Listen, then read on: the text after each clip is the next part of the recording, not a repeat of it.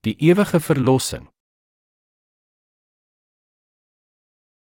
Johannes 8:1-12 Maar Jesus het na die Olyfberg gegaan.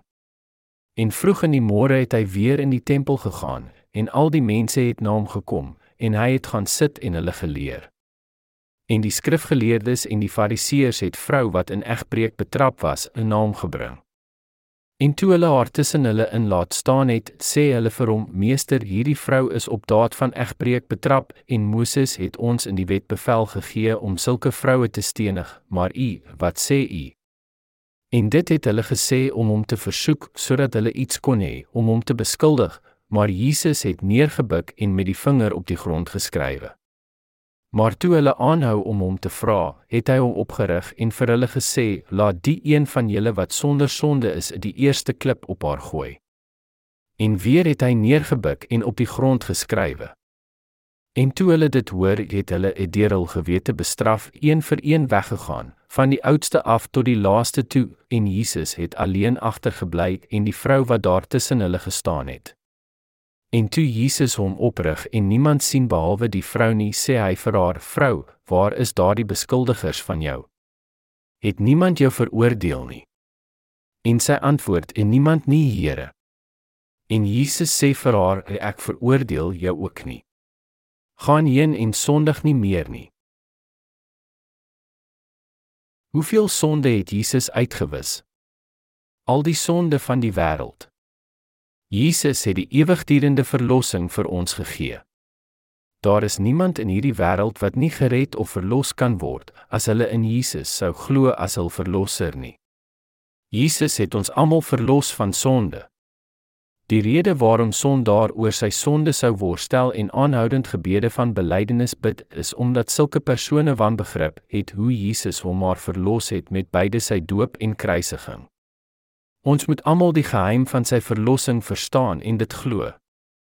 Jesus het al ons sonde op hom geneem met sy doop deur aan die kruis te sterwe, het hy die oordeel en volle prys betaal vir ons sonde. Glo nou in die water en die gees en verkry die ewige verlossing en vergifnis van alle sonde. Glo ook in sy groot liefde wat u alreeds regverdig gemaak het. Glo in wat hy alreeds vir u in die Jordaan rivier en aan die kruis volbring het. Jesus dra ook kennis van al ons sonde wat ons geheim hou, daar is geen een wat weggesteek kan word nie. Sommige mense het wanbegrip van sonde, hulle het die idee dat daar sekere sonde is wat nie verlos kan word nie. Luister vriende, Jesus het al ons sonde weggeneem, elk en elkeen van hulle. Daar is nie een enkele sonde in hierdie wêreld wat hy uitgelaat nie. Die waarheid in ooreenstemming met die Bybel is dat hy al die sonde van die wêreld uitgewis het, deur sy regverdige dade en dat daar nou geen sondaar meer is nie. Dra u kennis van sy evangelie wat hy vir ons gegee het, wat al u sonde volkome uitgewis het, selfs u toekomstige sonde. Liewe vriende, glo in hierdie evangelie en wees opreg gered en gee alle eer aan God. Die vrou wat op die daad van egbreek betrap is. Hoeveel mense pleeg egbreek in die wêreld? Almal van hulle. In Johannes hoofstuk 8 is daar verhaal van vrou wat egbreek gepleeg het en op heterdaad betrap is en ons duidelik sien hoe Jesus haar gered het. Ek wil graag met julle deel hoe hierdie vrou genade ontvang het. Dit is as ek mag sê, nie leen dat alle mense die een of ander tyd in hul leeftyd oorspel sal pleeg nie. Elkeen op aarde pleeg een of ander tyd oorspel. As u sou dink dat u nog nooit hierdie sonde gepleeg het nie, is dit maar net omdat u dit soveel keer gepleeg het dat dit vir u blyk asof u dit nog nooit gepleeg het nie. Waarom is dit so? Ons lewens is besoedel met oorspel. As ons hierdie vrou se verhaal in Johannes 8 lees, dan sou ek sê dat daar nie enkele persoon wat hier sit of hierdie boek lees wat nie oorspel gepleeg het nie in gedagtes of fisies. Daar is geen een wat nie egbreek gepleeg het nie, soos hierdie vrou wat op heterdaad betrap is nie. Almal van ons het hierdie sonde gepleeg, maar u maak asof u dit nooit gepleeg het nie. Dink julle ek is verkeerd? Nee, ek is nie. Kyk sorgvuldig binne u hart. Almal op hierdie aarde het dit gepleeg. Hulle pleeg oorspel selfs as daar net gekyk word na mooi vrouens of mans wat in die straat loop in die gedagtes en dade enige tyd waar ook al. Hulle besef nie eens dat hulle dit wel gepleeg het nie. Daar is ook baie mense wat dit nie besef nie tot en met hul dood dat hulle wel oorspel dwarsteer hul lewens gepleeg het nie. Nie net mense wat op heterdaad betrap was nie, maar almal van ons wat nog nie betrap is nie. Alle mense pleeg oorspel in hul gedagtes of in dade. Is dit nie maar deel van ons lewens nie? Is u nou omgekrap wat ek hier verklaar het? Maar dit is die waarheid. Ons is maar versigtig om daaroor te praat omdat dit ons ongemaklik laat voel. Die waarheid is mense pleeg deesdae deurgaans oorspel en besef nie eens dat hulle dit pleeg nie. Mense pleeg oorspel in hul siele ook. Ons wat na God se beeld geskape is, leef op die aarde sonder om ooit te besef dat ons geestelike oorspel pleeg. Om afgode te dien is dieselfde as om geestelike oorspel te pleeg, omdat die Here die enigste eggenoot van die mens is. Die vrou wat op heterdaad betrap was met egbreek was tog vleeslike mens net soos almal van ons. Sy het soos ons genade van die Here ontvang as ook verlossing. Maar die skynheilige fariseërs het haar laat opstaan in hul midde en haar veroordeel asof hulle regters was en wou haar met klippe doodgooi. Hulle was gereed om haar te straf en te veroordeel asof hulle onskuldig was en nooit oorspel gepleeg het nie. Liewe Christen, iemand wat homself sien as massa van sonde sal niemand voor God veroordeel nie, met die wete dat hulle self ook skuldig is aan oorspel wat hulle deurentyd pleeg. Selfs hulle ontvang ook die genade van God wat ons almal red en verlos. Slegs diegene wat openhartig en eerlik is, en besef hulle is sondaars wat self skuldig is aan hierdie sonde is uitverkies deur God om verlossing te ontvang. Wie ontvang God se genade? Wie ontvang God se genade? Die onwaardige. Is daar iemand wat rein lewe en nie oorspel pleeg nie genade ontvang of sal die onwaardige een wat voor God erken dat hy 'n blote sondaar is genade ontvang? Liewe vriende, die een wat homself nie kan help nie, die swak en hulpelose ontvang verlossing. Die persone wat hulself goed ken, ontvang sy genade en verlossing. Diegene wat dink dat hulle geen sonde het nie, die eie geregtiges kan nie verlos word nie. Hoe is dit moontlik om genade van God te ontvang as daar niks is om te verlos nie? Die skrifgeleerdes en fariseërs het hierdie vrou wat in egbreek betrap, en soos hond voor Jesus gesleep het en haar tussen hulle laat staan het en vir hom gevra het: "Meester, hierdie vrou was op 'n daad van egbreek gevang, maar u, wat sê u?" Hoekom het hulle besluit om hom te toets of te beproef met hierdie armsalige vrou? Die antwoord is omdat hulle ook skuldig was aan oorspel, maar wou haar veroordeel en stenig met Jesus se toestemming sodat hulle terselfdertyd die blame op Jesus kon pak. Maar Jesus wat die gedagtes van die mens ken, was ten volle bewus wat in hulle gedagtes omgaan, asook hierdie vrou se gedagtes. Daarom het hy gesê: "Laat die een van julle wat sonder sonde is, die eerste klip op haar gooi." En toe hulle hierdie woorde hoor, het hulle een vir een weggeloop van die oudste tot die jongste, en Jesus het alleen saam met die vrou agtergebly. Diegene wat weggeloop het, was hierdie godsdienstige eie geregtige leiers. Hierdie persone was van plan om hierdie vrou te veroordeel wat op heterdaad betrap is met egbreek en voorgedoen asof hulle self geen sonde gehad het nie. Jesus het sy liefde vir die wêreld verkondig. Hy is die liefde self. Jesus het kos vir die mense gegee, die dooies opgewek, het die weduwee se dooie seun weer lewend gemaak en hom aan sy moeder teruggegee, Lazarus van Betanië opgewek uit die dood, 'n malaatses gesond gemaak, verskeie wonderwerke tussen die armes gedoen. Hy het die sonde van sondaars weggeneem en hulle verlossing gegee. Jesus het ons baie lief. Hy is die Almagtig wat alles kan doen, maar die ellendige Fariseërs en skrifgeleerdes het gedink dat hy hul vyand was. Dit is waarom hulle die vrou voor hom gesleep het en hom getoets het. Hulle het vir hom gevra: "Meester, hierdie vrou is in daad van egbreek betrap en Moses het ons in die wette bevel gegee om sulke vroue te stenig, maar u, wat sê u?" Hulle was onder die indruk dat hy saam met hulle sou stem om haar te veroordeel. Hoekom? As ons volgens die wet van God oordeel, sal almal wat oorspel pleeg onmiddellik gestenig moet word sonder enige uitsondering. Almal moet dus gestenig word en hel toe gaan. Die woord verklaar dat die loon van sonde is die dood. Maar Jesus het nie vir hulle gesê om haar te stenig nie. In plaas daarvan het hy gesê: "Laat die een van julle wat sonder sonde is, die eerste klip op haar gooi." Waarom het God die 613 artikels van die wet gegee? Om ons te laat besef dat ons sondaars is. Die wet bring die toorn van God. God is heilig en sy wet is ook heilig. Hierdie heilige wet met sy 613 artikels is aan ons gegee. Die rede waarom God die 613 artikels van die wet aan ons gegee is, is om ons te laat besef dat ons sondaars is en dat ons onvolmaak is. Dit leer ons om te reik na God se genade om so gered te word. As ons dit nie besef nie en alleen gedoen soos in die wet bepaal word, sou ons verseker gestenig geword het, net soos die vrou wat in egbreek betrap was. Die Fariseërs en skrifgeleerdes wat die waarheid van sy wet nie geken nie, sou waarskynlik hierdie vrou en ons gestenig het. Maar wie sou durf om klippe na hierdie hulpelose vrou te gooi as hulle self skuldig en vol sonde was? Selfs al het iemand haar letterlik in egbreek betrap, sou niemand in hierdie wêreld klippe na haar kon gooi nie.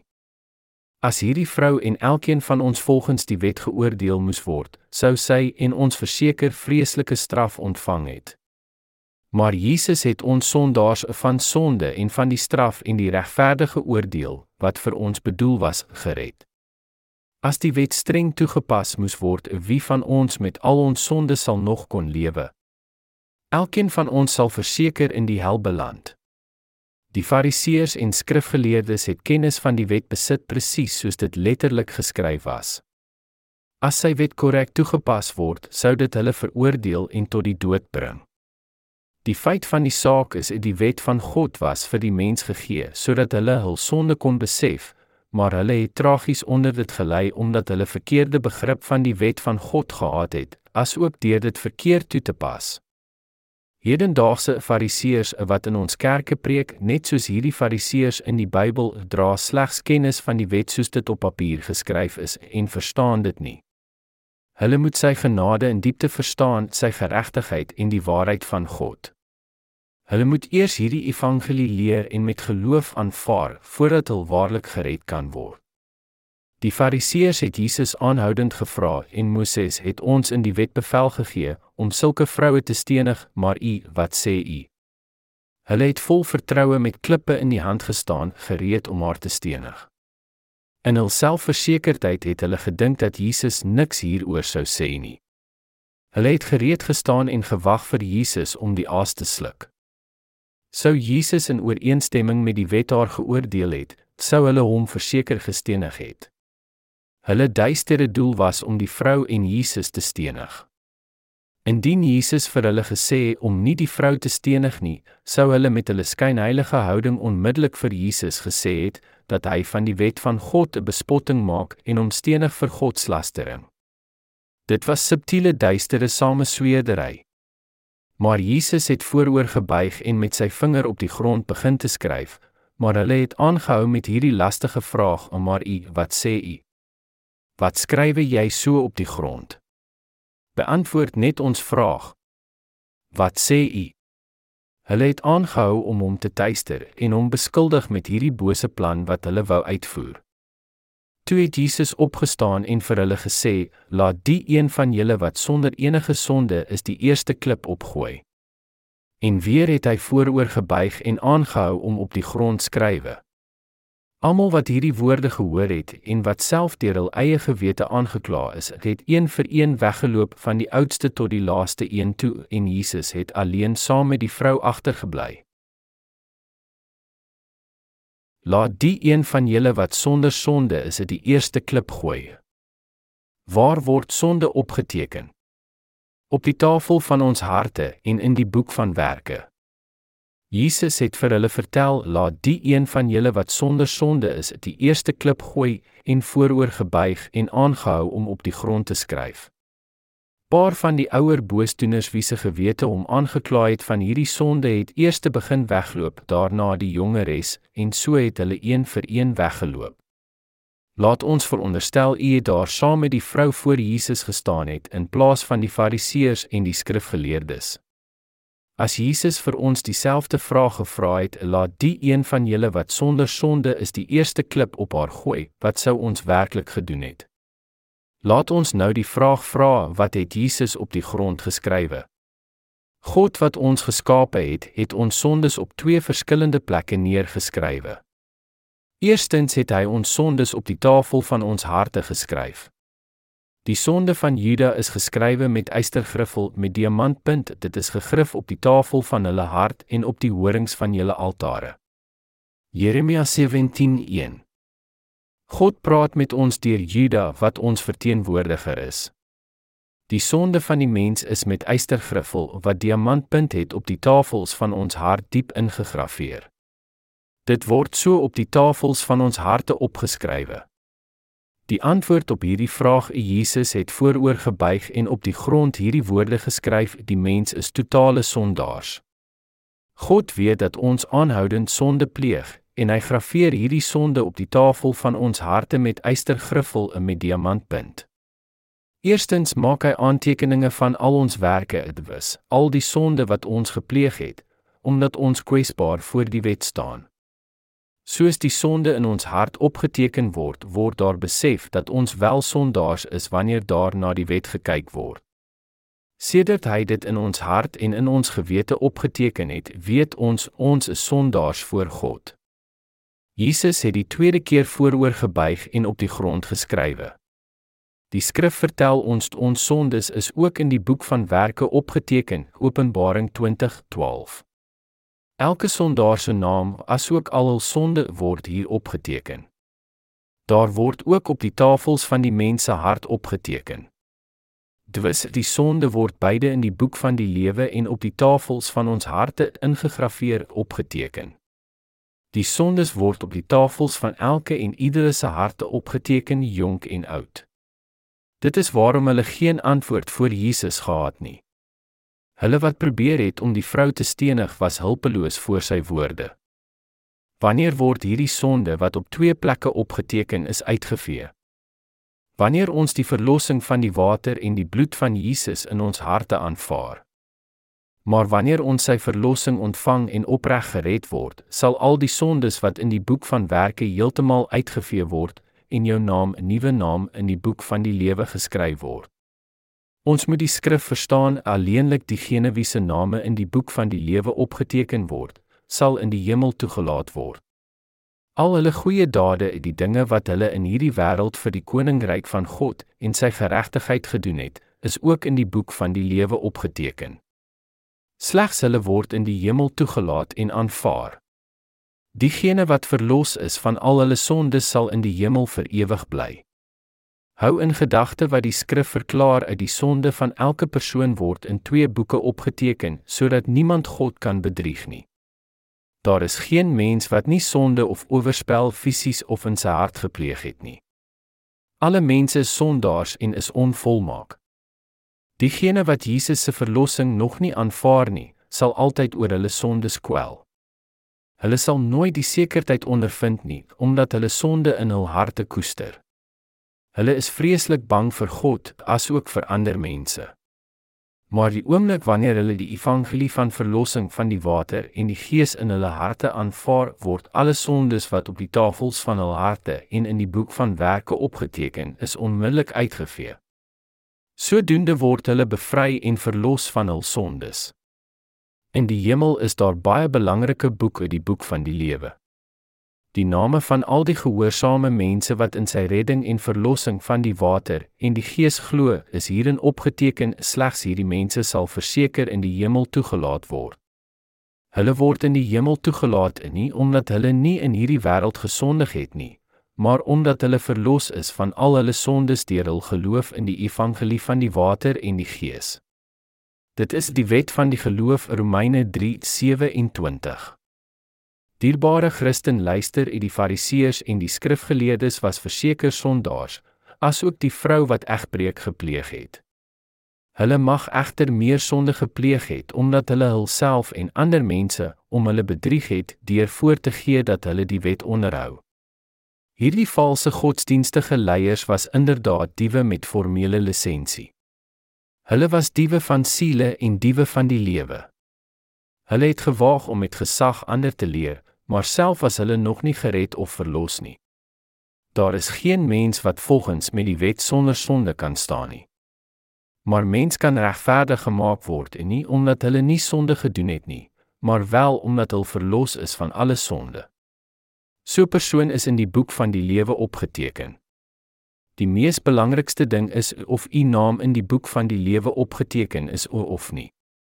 Omdat mense hopeloos is en aanhoudend in hul lewe sondig, moet hulle dus vir eenmaal verlos word sodat hulle name in die boek opgeteken word. Liewe vriende, om toegang in die hemel te verkry, hang af of u sy ware evangelie aanvaar en daarin glo of nie. Om die genade van God te ontvang, sal afhang van u aanvaarding van Jesus se volkomme redding. Wat van die vrou wat in egbreek betrap was? Ek kan my voorstel dat sy haarself daar op die grond voor Jesus gebuig het en haar oë toegemaak het met die wete dat sy nou gestenig gaan word. Sy was seker vreesbevange en het gehuil met die hoop dat haar lewe gespaar sou word het.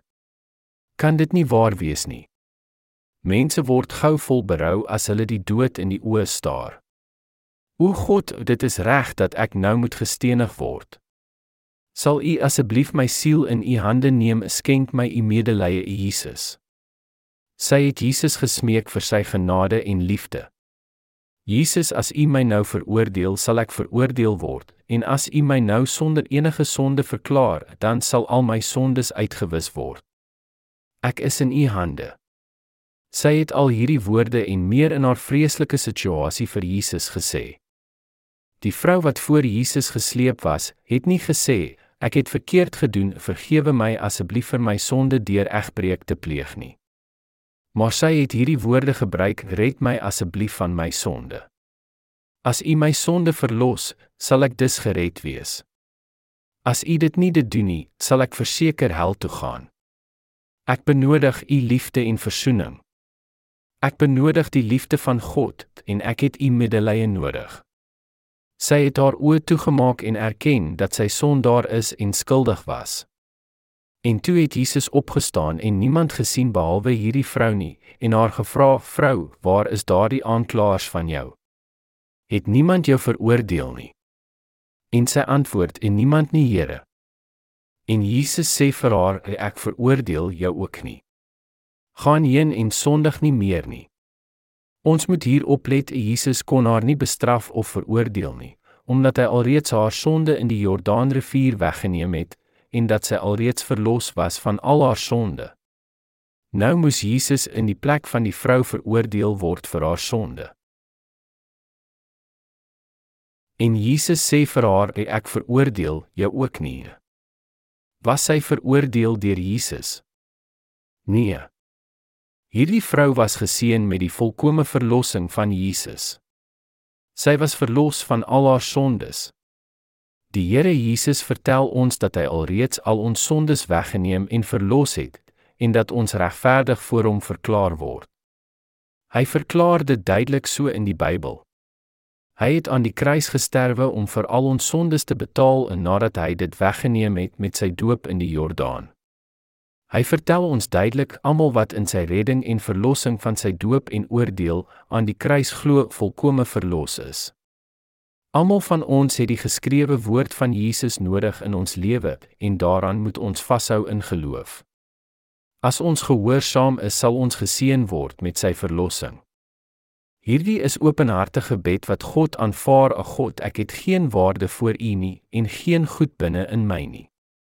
Ek kan niks vir U wys nie, maar net my ellendige sondes. Maar ek glo dat U Jesus in my Here my volkomme verlossing is." U het al my sondes in die Jordaan weggeneem en aan die kruis daarvoor betaal. U het al my sondes met u doop en u waardevolle bloed weggeneem. Ek glo waarlik in U Here. Dit is hoe U waarlik wedergebore kan word. Jesus oordeel ons nie as ons nederig en opreg voor hom kom nie. Hy het ons die reg gegee om kinders van God te word vir die wat gehoorsaam is en wat glo in die verlossing van die water en die Gees. Hy het deur sy regverdige dade al ons sonde weggeneem en ons regverdig gemaak. Liewe vriende, die vrou wat egbreek gepleeg het en betrap was, was uiteindelik gered. Die vrou het seën deur die verzoening en redding van ons Here Jesus ontvang. Ons kan ook so geseën word. Elkeen van ons wat hul sondes eerlik voor God erken en sou vra vir sy medelee, asook glo in sy redding deur die water en die Gees ontvang sy seëninge van volkomme verzoening en redding. Diegene wat hul sondes voor God erken, sal verseker verlos word, maar diegene wat nie hul sonde erken nie, sal nooit sy seëninge van redding ontvang nie. Jesus het die wêreld se sondes weggeneem, Johannes 1:29. Enige sondaar in hierdie wêreld kan gered en verlos word van al hul sonde as hulle in Jesus en in sy evangelie glo. Jesus het vir die vrou gesê, "Ek oordeel jou ook nie." Hy het haar vertel dat hy haar nie veroordeel nie, omdat hy alreeds haar sondes op homself geneem het deur sy doop in die Jordaan. Hy het al ons sondes op homself geneem, die lam van God, en vir hierdie sondes was hy veroordeel in plaas van ons. Ons moet voor Jesus gered word. Wat is groter, die liefde van God of die oordeel van God? Die liefde van God. Die Fariseërs met die klippe in hul hande sowel as hedendaagse valse godsdienstige leiers vertolk die wet tot op die letter. Hulle glo omdat die wet sê u mag nie egbreek pleeg nie en dat as hierdie gebod verbreek word, dan moet die skuldige gestenig word. Hierdie skynheilige skepsels loer self na vrou met willustige oë terwyl daar voorgegee word dat hulle nie hierdie gebod verbreek nie. Laat dit duidelik wees, wie ook al hierdie sonde doen, sal nooit verlos of gered word nie. Jesus het die skrifgeleerdes, die fariseërs en die skynheiliges as die moraliste in hierdie wêreld gekenmerk. Maar hulle het nie Jesus se geroep gehoor nie. Sy woorde, ek sal julle nie veroordeel nie, dit het hulle nie gehoor nie. Slegs die vrou wat met egbreek betrap was, het die wonderlike en vreugdevolle woorde gehoor. As u openhartig en eerlik voor hom staan, kan u ook sulke seëninge ontvang. God, ek pleeg hierdie ellendige egbreek en sondig aanhoudend en is hulpeloos om dit te vermy. Die waarheid is dat ek dit pleeg sonder dat ek dit weet omdat dit soveel keer gebeur. Hierdie sonde word menigmaal deur die dag gepleeg. Wanneer ons sy wet opreg en openhartig aanvaar en eerlik voor God staan en eerlik vir hom sê ek Here God dit is hoe ek is. Red my asseblief sal God ons verseker seën met sy verzoening en verlossing. Die liefde van Jesus en die evangelie van die water en die gees het die veroordeling van God daardie dag oorwin ek veroordeel jou ook nie. Het hy gesê jy is gered en geheilig. Ons Here Jesus Christus is die God van barmhartigheid. Hy het ons verlos van die sondes van die wêreld. Prys sy naam. Ons God is die God van geregtigheid asook die God van liefde. Die liefde van die water en die gees is selfs groter as sy oordeel. Sy liefde is groter as sy oordeel. Hoekom het hy ons gered? Omdat sy liefde groter is as sy oordeel. Sou God sy oordeel op ons afgedwing het om sy wet uit te voer of sou hy almal wat skuldig gevind is met sonde onmiddellik hel toe gestuur het? Die liefde van Jesus red ons volkome van hierdie veroordeling, dit is groter. God het sy eniggebore seun gestuur. Sy naam is Jesus wat al ons sondes op hom geneem het en ons verdiende oordeel ontvang het. Elkeen wat nou in Jesus as hul verlosser met ware geloof glo, sal sy kind en die regverdige genoem word. Sy liefde is groter as sy veroordeling, hy het dus almal verlos. Ons moet God dank dat hy ons nie oordeel slegs met sy oordeel nie. Die Bybel vertel toe Jesus aan die skrifgeleerdes, Fariseërs en hulle volgelinge gesê: maar gaan leer wat dit beteken ek wil barmhartigheid hê en nie offerande nie want ek het nie gekom om regverdiges te roep nie maar sondaars tot bekering Matteus 9:13 Sommige mense mag nog koei of bok elke dag voor God offer en bid God sal U my vergewe vir sonde wat ek elke dag pleeg. God wil nie hierdie offerande hê nie, maar slegs ons geloof in die verlossing van die water en die gees.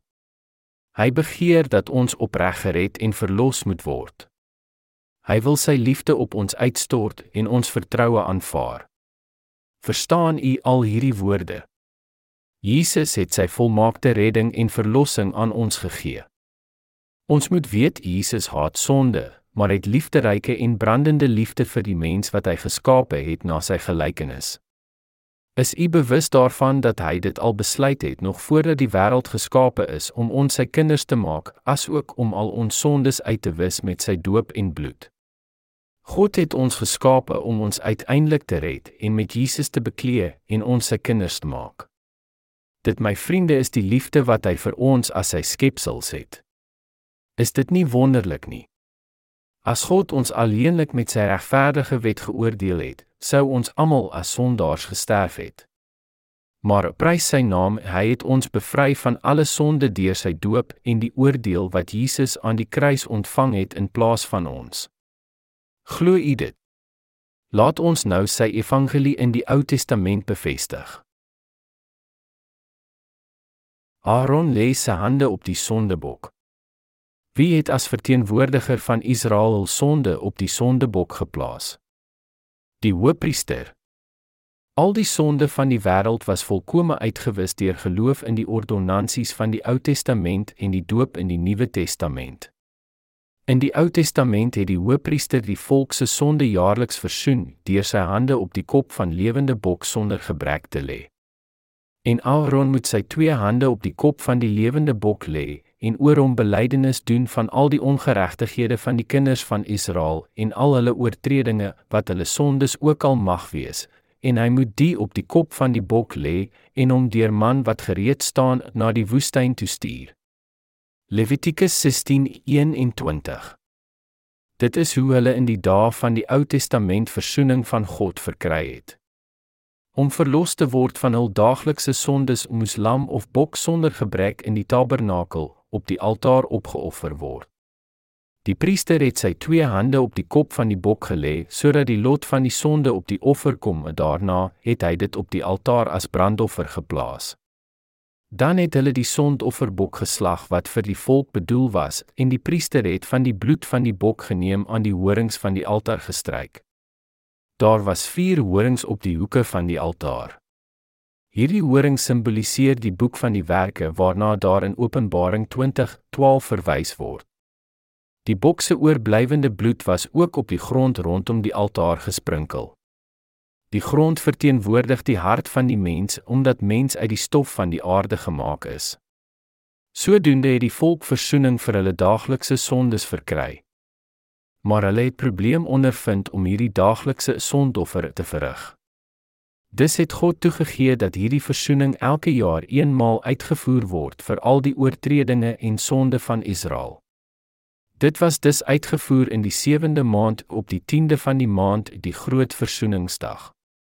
Op hierdie dag het die hoofpriester wat die verteenwoordiger van die Israelitiese volk was, twee bokke geneem en hulle voor die aangesig van die Here gestel. Hy het sy twee hande op die kop van die lewende bok gelê en oor hom belydenis gedoen vir al die oortredinge en sondes van Israel wat hulle gepleeg het en het hierdie sonde op die kop van bok gelê. Hy het ook deur hierdie ritueel vir hulle verzoening gedoen en op hierdie manier is hulle gereinig. En Aaron moet sy twee hande op die kop van die lewende bok lê en oor hom belydenis doen van al die ongeregtighede van die kinders van Israel en al hulle oortredinge wat hulle sondes ook al mag wees en hy moet die op die kop van die bok lê. God het Aaron benoem en aangestel as die hoofpriester van Israel om die volk van Israel te verteenwoordig. Met hierdie instelling het die hoofpriester sy hande op die lewende bok se kop gelê in plek van die individuele offers wat deur die mense self gemaak is. Dus het hy hulle sondes voor God so beskrywe hoe Here God u kinders, die kinders van Israel u volk het gesondig.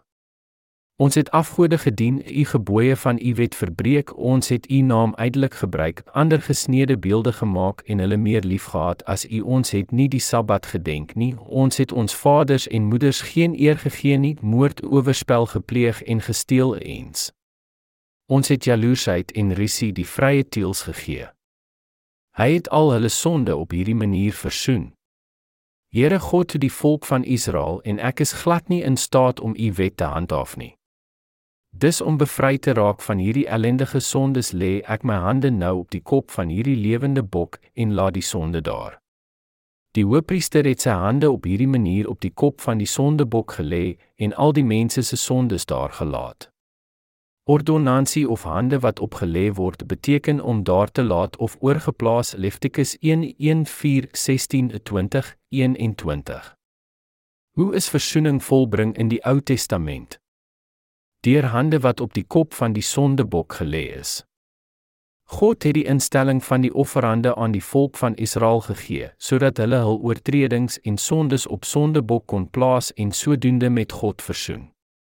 Hy het ook versoek dat die bok sonder gebrek moet wees en dit te offer in die plek van die sondaar. Op hierdie manier was versoening bewerkstellig vir elke sondaar. Op die groot versoeningsdag is die sondofferbok geslag wat vir die volk bedoel was en sy bloed is binne in die allerheiligste gebring en sewe maal op die versoeningdeksel gesprinkel, asook voor die versoendeksel. Sodoende is die volk van Israel se oortredinge en sonde jaarliks versoen. Dit het plaasgevind op die 10de van die 7de maand. Die hoofpriester het alleen in die allerheiligste ingegaan om die offerande te maak en terwyl hy besig was, het die mense buite gestaan om te luister vir die geluid van die goue klokkies wat aan die soem van sy heilige klere gehang het. Die goue klokkies het 7 maal gelei as hy die bloed op die versoendeksel gesprinkel het. Wanneer hulle dit gehoor het, het die volk gejubel en gejuig omdat al hul oortredinge en sonde vir die jaar vergewe en versoen was. Die geluid van die goue klokkies was 'n aanduiding van die vreugdevolle evangelie. Prys die Here. Dit is glad nie waar dat Jesus sekere mense uitsonder met sy liefde en slegs sekeres red nie. Ons moet weet Jesus het die sonde van almal eenmaal weggeneem het met sy doop Hebreërs 7:27. Dit was nodig om ons net eenmaal van ons sonde te bevry. Ons daaglikse sondes hoef nie elke dag en elke jaar versoen word nie. Hy het dus net eenmaal weggeneem. In die Ou Testament is versoening deur die ordonnansie en die bloed van die sondofferdier bewerkstellig. Aaron het voor die mense sy hande op die kop van die lewende bok gelê en al hulle oortredinge en sondes vir God opgenoem. Hy het voor die volk hulle sondes op die bok se kop geplaas. Waar het al die oortredinge en ongeregtighede van die volk van Israel heen gegaan as die hoofpriester sy hande op die kop van die lewende bok se kop gelê het? Dit was op die sondebok geplaas. Nadat hierdie instelling voltooi is, het man wat gereed gestaan het, die sondebok na die woestyn geneem en daarin gestuur. Die sondebok met al die sonde en ongeregtighede is na woesteland gelei waar geen water of grasveld was nie. Die sondebok het deur hierdie woesteland gewandel en uiteindelik gesterwe. Sodoende het die sondebok gesterwe vir al die sondes van die volk van Israel. Hierdie is die liefde van God, die liefde van verzoening. Dit is hoe hulle in daardie tyd hul jaarlikse sondes versoen het. Maar vriende, ons leef nou in die Nuwe Testament se tyd en nie waar nie. Dit is omtrent 2000 jaar gelede dat Jesus na die wêreld gekom het. Sy doel was om sy belofte na te kom wat hy in die Ou Testament gemaak het, en dit is volbring, om ons so van al ons oortredinge en sondes slegs eenmaal te versoen en ons volkome te red. Ons almal terug te koop. Wat beteken die naam Jesus? Hy wat sy volk van hulle sondes sal verlos. Kom ons lees Matteus 21:21 saam. Maar terwyl hy dit in die gedagte gehad, het verskyn daar engel van die Here in droom aan hom en sê: "Josef, seun van Dawid, wees nie bevrees om Maria, jou vrou, by jou te neem nie, want wat in haar verwek is, is uit die Heilige Gees, en sy sal seënbaar, en jy moet hom Jesus noem, want dit is hy wat sy volk van hulle sondes sal verlos." Ons Vader in die hemel het Maagd Maria se liggaam geleen om sy seun na hierdie wêreld te stuur om al die sonde van hierdie wêreld weg te neem. Hy het sy engel na Maria gestuur om vir haar gesê: "En kyk, jy sal swanger word en seënbaar en jy moet hom Jesus noem." Dit beteken dat die seun wat sy baar sal die redder en verlosser wees. Jesus die Christus beteken die een wat sy volk van al hulle sondes sal verlos, die heiland verlosser. Nou die vraag, hoe het Jesus ons van al ons sondes gered en verlos?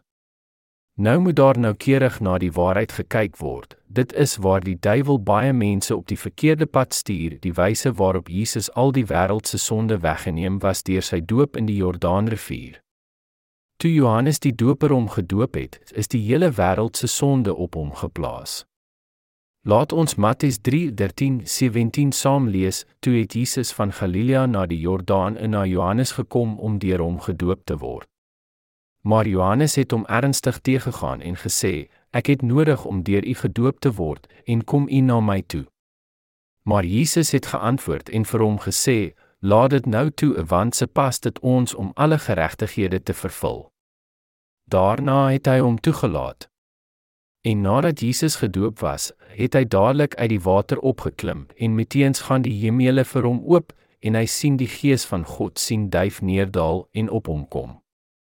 En daar kom stem uit die hemel wat sê: "Dit is my geliefde seun in wie ek welbehae het." Jesus het na Johannes die Doper gegaan om ons te verlos van ons sonde. Hy het die water ingegaan en daarvoor Johannes sy kop neergebuig en vir hom gesê Johannes doop my nou want se pas dit om alle geregtigheid te vervul.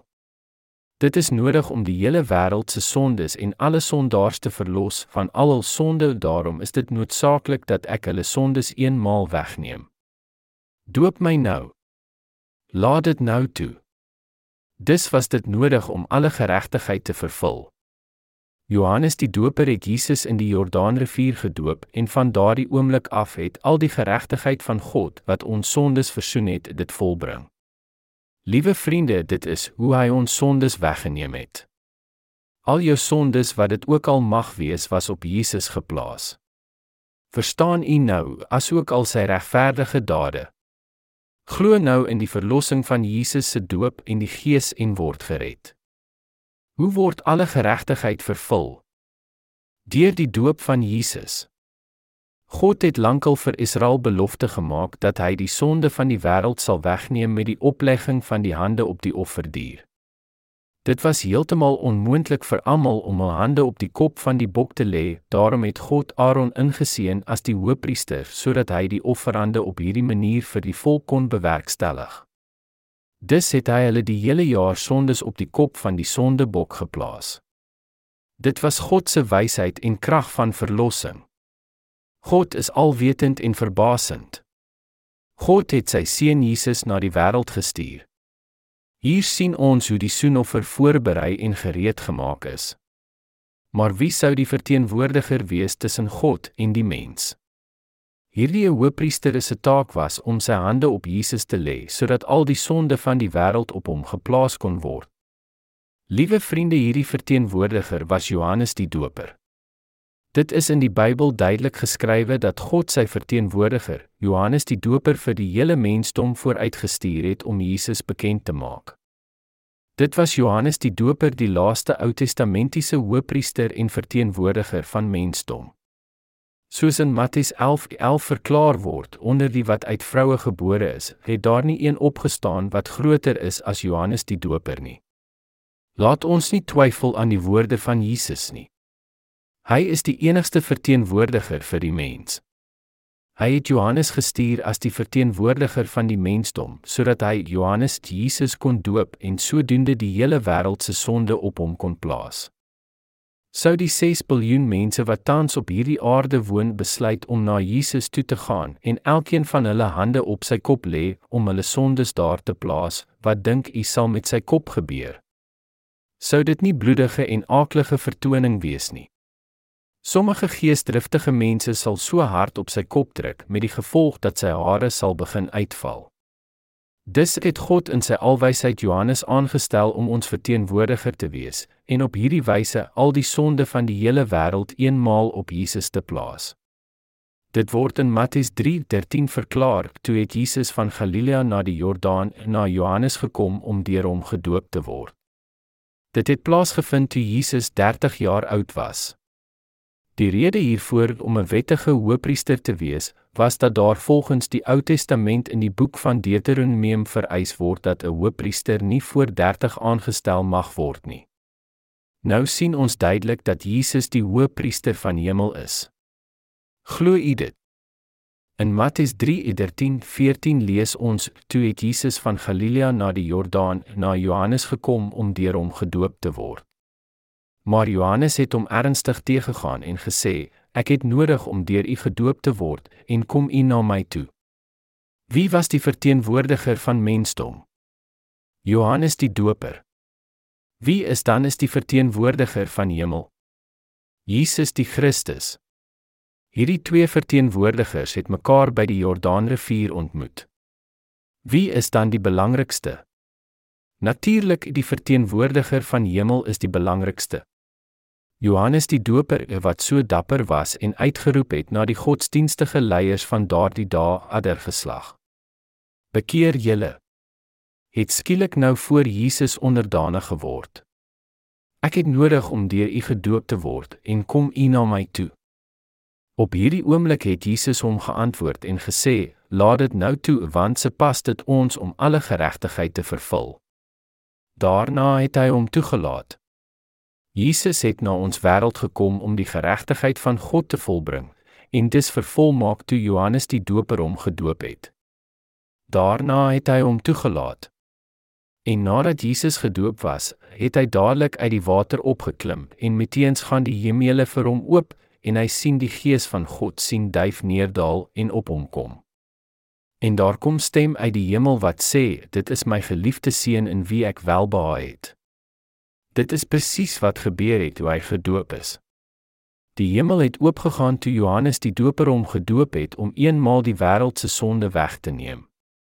Maar van die dae van Johannes die Doper af tot nou toe word die koninkryk van die hemel bestorm en bestormers gryp dit met geweld in Matteus 11:12. Al die wette en profete van God het geprofeteer oor Johannes die Doper. Maar van die dae van Johannes die Doper af tot nou toe word die koninkryk van die hemel bestorm en bestormers gryp dit met geweld. Elkeen wat nou in sy doop glo kan die koninkryk van God ingaan sonder uitsondering. Ek veroordeel jou ook nie.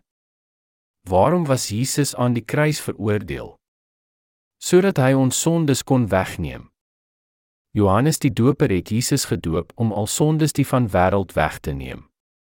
Later in die skrif lees ons het Jesus vir die vrou gesê wat met egbreek betrap was, ek veroordeel jou ook nie. Hy kon hierdie vrou nie veroordeel nie omdat hy al klaar al die sondes van die wêreld by die Jordaanrivier weggeneem het en in steede van die vrou is hy vir haar sondes veroordeel. Jesus het die sondes van die wêreld uitgewis. Ons kan sien hoe hy die pyn gevrees het wat hy aan die kruis sou moes dra omdat die loon van sonde is die dood. Hy het 3 maal tot God op die Olyfberg gebid om hierdie oordeel van hom weg te neem in so 'n mate dat sy siel diep bedroef was tot die dood toe. Jesus was van vlees en bloed net soos die mens en dit is verstaanbaar dat hy pyn gevrees het. Daar was geen ander keuse vir Jesus nie, hy moes sy bloed stort om die oordeel te volbring.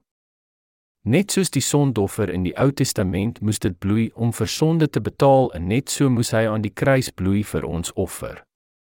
Hy het al klaar al die sondes van die wêreld weggeneem met sy doop en nou moet hy sy lewe opoffer vir ons verzoening en verlossing.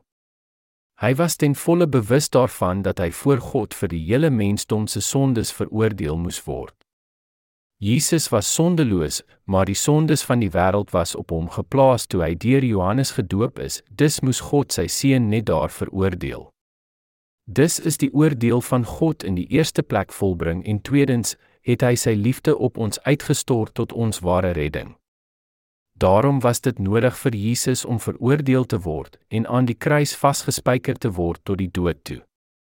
Ek oordeel jou nie, ook veroordeel ek jou nie. Al ons bewuste en onbewuste sonde moes deur God veroordeel word. Nogtans het God ons nie geoordeel nie, maar in die plek hiervan het God sy seun veroordeel wat al ons sondes op homself geneem het met sy doop. God wou nie sondaars oordeel nie omdat hy barmhartig en liefdevol teenoor sy skepsels is. Die doop en die bloed aan die kruis was sy versoenende liefdesoffer vir ons. Want so lief het God die wêreld gehad dat hy sy eniggebore seun gegee het sodat elkeen wat in hom glo nie verlore mag gaan nie, maar die ewige lewe kan hê. Johannes 3:16. Dit is hoe ons van sy liefde weet. Jesus het nie die vrou wat op heterdaad met egbreek betrap was veroordeel nie. Sy het goed geweet dat sy sondaar was omdat sy op heterdaad met egbreek betrap was. Sy het nie alleen sonde in haar hart gehad nie, maar ook in haar vlees. Daar was geen uitweg vir haar om haar sonde te weg te kom nie. Maar omdat sy geglo het dat Jesus al haar sonde weggeneem het, was sy volkome verlos en gered. As ons in Jesus se verlossing en redding glo, sal ons ook volkome gered word. Glo dit, vriende. Dit is die enigste weg. Wie is die mees geseënd? Diegene wat geen sonde het nie. Alle mense doen sonde. Alle mense pleeg oorspel. Maar alle mense word nie veroordeel vir hulle sondes nie. Ons het almal gesondig, maar diegene wat in die verlossing van Jesus Christus glo, het geen sonde in hul harte nie. Die een wat in die redding van Jesus glo, is vreugdevolle en 'n gelukkige persoon. Die wat bevry is van al hul sonde, is die mees geseënd. Hulle word nou die regverdiges in Jesus genoem. God vertel ons van vreugde in Romeine 4:7 'n welgeluksalig is hulle wie se ongeregtighede vergewe en wie se sondes bedek is. Ons doen almal sonde totdat ons sterf. Ons is voor God wetteloos en onvolmaak. Daar word met sonde aangehou selfs nadat ons bewus gemaak is van sy wet. Ons is baie swak. Maar God het ons verlos met beide die doop en die bloed van sy enigste seun en die sekerheid aan ons gegee dat ons nie meer sondaars is nie en dat ons voor hom regverdig is. Hy verseker ons dat hy ons sy kinders gemaak het, sy uitverkore geliefde volk. Die evangelie van die water en die gees is die evangelie van die ewige verlossing. Glo dit, vriende. Vir diegene wat dit glo, noem hy die regverdiges die verlosters en sy kinders. Hulle is die gelukkigste mense in die wêreld. Die een wat glo, is al klaar versoen en verlos omdat hy in sy evangelie geglo het. Is u opreg verlos en gered? Het Jesus versuim om jou sondes weg te neem? Beslis nie, hy het al jou sonde weggeneem met sy doop. Glo dit. Glo en wees volmaak verlos van al jou sonde. Kom ons lees saam in Johannes 1:29. Dit was asof met besem weggevee was. Hoeveel sonde het Jesus weggeneem? Al die sonde van die wêreld. Die volgende dag sien Johannes Jesus na hom toe kom en hy sê: "Daar is die lam van God wat die sonde van die wêreld wegneem." Johan 1:29. Daar is die lam van God wat die sonde van die wêreld wegneem. Johannes die Doper het die hele wêreld se sonde op Jesus geplaas. Die volgende dag het hy getuig dat Jesus die lam van God is wat die wêreld se sonde weggeneem het. Hy het die sonde van die wêreld op sy skouers gedra. Die wonderlike woorde het al die sonde van die wêreld verwys na al die sondes wat mense in hierdie wêreld gedoen het vanaf die skepping tot die einde. Om en by 2000 jaar gelede het Jesus al die sonde van die wêreld weggeneem en ons so verlos en gered. As die kosbare lam van God, het hy al die sondes weggeneem en was veroordeel in plaas van ons. Enige sonde, wat dit ook al mag wees, wat ons as mens gedoen het of nog sal doen in die toekoms, is op hierdie wyse op Jesus geplaas. Hy het die lam van God geword wat al ons sondes weggeneem het. Prys sy wonderlike naam. Jesus het na ons wêreld gekom as nederig man en as die een wat al die sondaars van hierdie wêreld volmaak verlos en gered het. Vriende, laat ons met mekaar eerlik wees. Ons doen aanhoudend sonde omdat ons swak, goddeloos en onkundig is, nie waar nie? Die rede vir hierdie ellendige situasie is omdat ons laf en onvolmaak is. Die sonde word gepleeg omdat ons afstammelinge van Adam is en sy sonde oorgeerf het.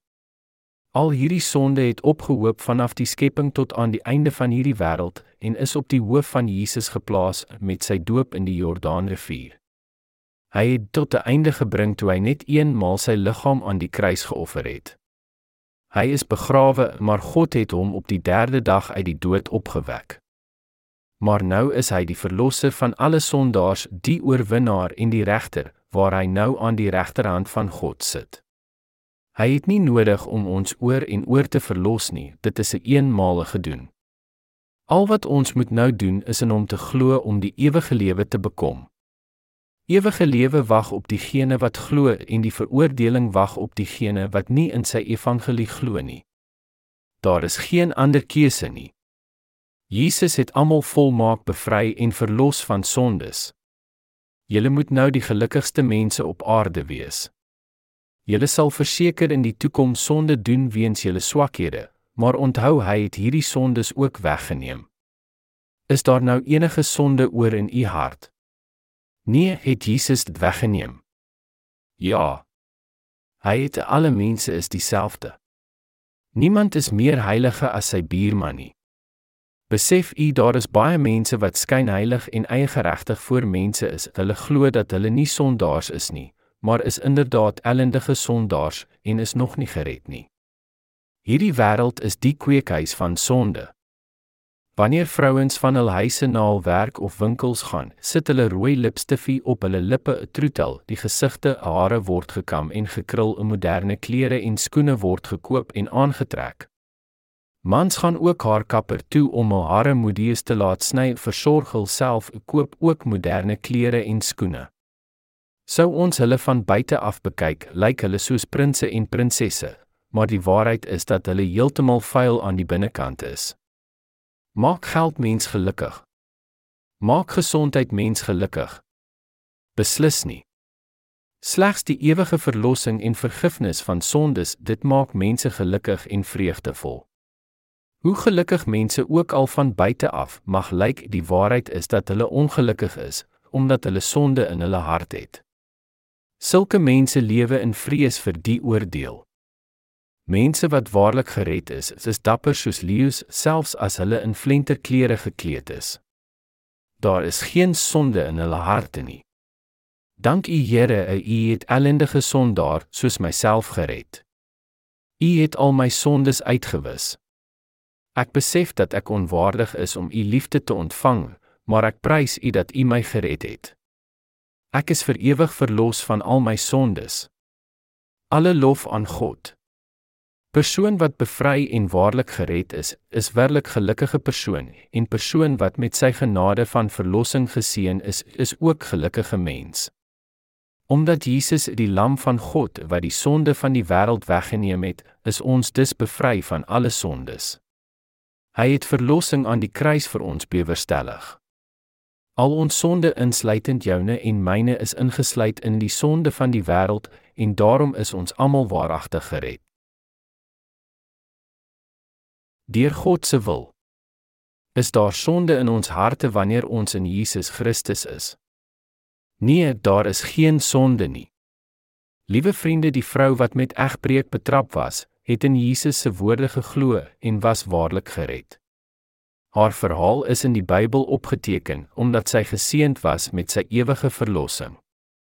Maar die ellendige skynheilige skrifgeleerdes en fariseërs het van Jesus af weggevlug. As u in Jesus glo, wag hemel vir u, maar as u Jesus ontken, is sal u verseker hel toe gaan. As u in al sy regverdige dade glo, is dit soos die hemel, maar as u nie in al sy werke glo nie, is dit soos die hel. Verlossing word nie bepaal deur enige poging van enige persoon nie, maar slegs deur die verlossing van Jesus. Lees saam met my in Hebreërs hoofstuk 10 vanaf vers 1:10. Want die wet wat skaduwee het van die toekomstige weldade, nie die beeld self van die dinge nie, kan nooit deur dieselfde offers wat jaar na jaar gedurig gebring word, die wat toetree tot volmaaktheid lei nie. Anders sou hulle opgehou het om geoffer te word, omdat die wat die diens verrig, nadat hulle eenmaal gereinig is, geen bewussyn meer van sonde sou gehad het nie maar in die offers is daar jaar na jaar herinnering aan die sondes want die bloed van stiere en bokke kan onmoontlik die sondes wegneem. Daarom sê hy, as hy in die wêreld inkom, slagoffer en spysoffer wou u nie hê nie, maar u het vir my liggaam berei. Brandoffers en sondoffers het u nie behaag nie. Toe het ek gesê, kyk, ek kom, in die boekrol is dit van my geskrywe om u wil te doen, o God. Nadat hy hierbo gespreek het slagoffers en spysoffer en brandoffers en sondoffers wou u nie hê en het u nie behaag nie wat volgens die wet geoffer word, het hy daarna gesê: "Kyk, ek kom om u wil te doen, o God." Hy neem die eerste weg om die tweede te stel. Deur hierdie wil is ons geheilig deur die offer van die liggaam van Jesus Christus net eenmaal.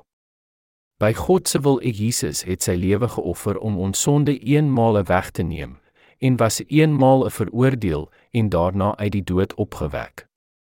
Daarom is ons heilig gemaak. Ons is geheilige Hebreërs 10:10, dit is geskryf in die huidige tyd.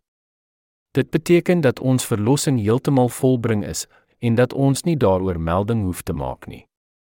U is geheilig. En elke priester staan wel dag vir dag om die diens waar te neem en dikwels dieselfde slagoffers te bring wat tog nooit die sondes kan wegneem nie, maar hy het nadat hy een slagoffer vir die sondes gebring het, vir altyd gaan sit aan die regterhand van God en wag nou verder totdat sy vyande gemaak is voetbank van sy voete. Want deur een offer het hy vir altyd volmaak die wat geheilig word. Hebreërs 10:11-14 U is ewig heilig. As u môre sou sonde doen, sal u weer sondaar word. Het Jesus nie hierdie sonde ook weggeneem nie? Natuurlik het hy. Hy het ook jou toekomstige sondes weggeneem. En ook die Heilige Gees gee aan ons getuienis want nadat hy tevore gesê het, dit is die verbond wat ek met julle sal sluit na die dae, spreek die Here verder, ek sal my wette gee in hulle hart en in hulle verstand sal ek dit inskryf en aan hulle sondes en hulle ongeregtighede sal ek nooit meer dink nie. Waar daar nou vergifnis van hierdie dinge is, is daar geen offer meer vir die sonde nie. Hebreërs 10:15-18 Die uitdrukking waar daar nou vergifnis van hierdie dinge is, beteken dat hy al die sonde van die wêreld uitgewis het. Jesus is ons verlosser, my verlosser en jou verlosser. Geloof in Jesus het hy ons gered. Dit is die verlossing in Jesus en die grootste genadegeskenk wat ons van God ontvang het. U en ek wat verlos is van al ons sonde, is die mees geseëndes van almal.